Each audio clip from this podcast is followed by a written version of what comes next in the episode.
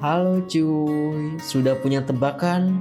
Kira-kira laki-laki atau perempuan ya? Ya udah, langsung saja kita dengarkan bersama-sama. Ya baik, terima kasih. Salam salam sehat untuk kita semua. Salam kenal. Saya Isa Oktaviani atau biasa dipanggil Isa. Uh, terima kasih untuk teman-teman yang sudah mengundang untuk sharing Salam juga untuk pemateri sebelumnya yang tadi cerita sangat menarik ya untuk cerita-cerita baiknya. Tapi sebelumnya saya juga akan perkenalkan uh, eh, ICRP. Mungkin ada yang belum tahu, tapi saya yakin Mas Abdul Hakim, Mbak Ida udah tahu ICRP, pastinya ya. Kayaknya udah beberapa kali kerjasama, kalau saya tidak salah mengingat. Oke, okay. Ah, Indonesian Conference on Religion and Peace atau biasa dibilang ICRP adalah sebuah lembaga non-profit yang secara khusus bergerak di bidang kebinekaan yang didirikan langsung oleh tokoh-tokoh agama, salah satunya adalah almarhum Gus Dur, ada juga Pak John Effendi, dan tokoh-tokoh lintas agama lainnya. Kalau teman-teman tahu juga ada Bu Musda Mulia yang saat ini sebagai ketua ICRP. Nah, tadi kalau kita ngomongin soal pendidikan, perdamaian di sekolah dan segala macam, sangat menarik ya cerita teman-teman sebelumnya. Uh, senang sekali banyak aura-aura positif, ada semangat-semangat positif yang dibagikan oleh teman-teman daerah. Nah, sekarang saya mau cerita sedikit apa sih yang dilakukan oleh ICRP khususnya di bidang pendidikan perdamaian. Ada banyak hal sebenarnya yang yang dilakukan ya, seperti um, salah satunya adalah yang bisa dibilang bukan unggulan sih ya karena semuanya pasti unggulan. Tapi yang paling sampai ada sampai sekarang itu adalah Peace Train. Peace Train Indonesia. Uh, teman-teman boleh juga nanti searching di YouTube atau di Google Peace Train Indonesia. Sudah berlangsung sebanyak 12 kali dari 2017 itu mempertemukan orang muda di seluruh Indonesia untuk jalan bersama-sama menuju satu kota menggunakan kereta api dengan semangat persaudaraan. Sebenarnya ya kalau kita lihat peace train itu sederhana, sangat sederhana karena kita bertemu, ngobrol bareng, lalu kunjungan ke rumah-rumah ibadah, lalu belajar bersama di sana. Gitu ya tapi ternyata punya dampak yang luar biasa. Misalnya nih ada beberapa alumni yang sudah selesai mengikuti Peace Train, mereka terinspirasi untuk membuat gerakan di daerah masing-masing. Seperti di di Cirebon ada, terus di Manado juga ada, di Papua, lalu di Temanggung, Medan juga ada.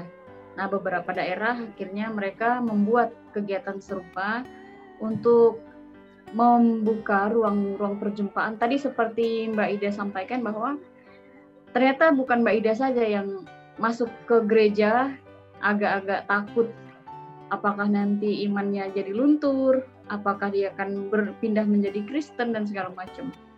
Alumni Pistren juga sama, Mbak. Jadi ketika mau masuk ke tempat ibadah orang lain, banyak pertanyaan, banyak pertimbangan.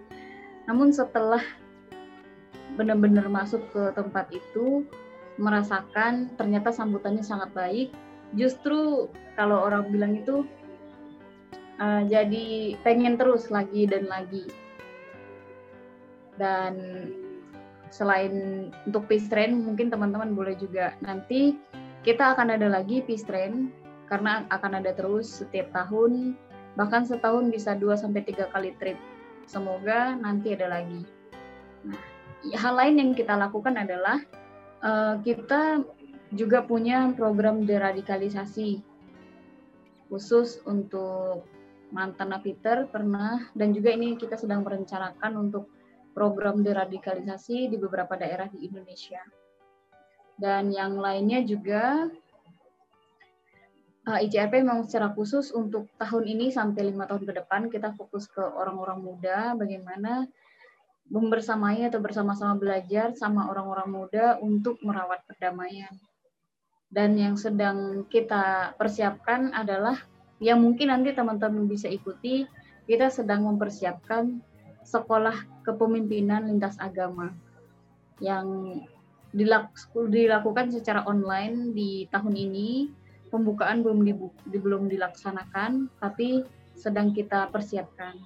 Ini juga tujuannya adalah supaya kita bisa melahirkan pemimpin-pemimpin masa depan yang punya pemikiran yang keluar gitu ya, yang memang dengan nilai-nilai kebersamaan, nilai-nilai toleransi yang tinggi, sehingga kita harapannya bisa meminimalisir intoleransi terkhusus dengan adanya kebijakan-kebijakan yang dibuat gitu.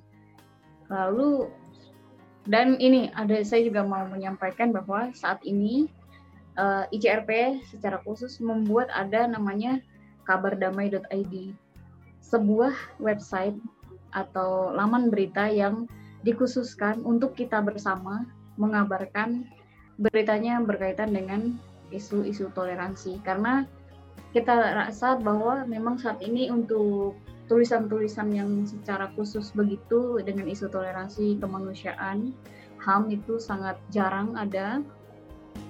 Makanya membuat media tersebut sebagai milik bersama.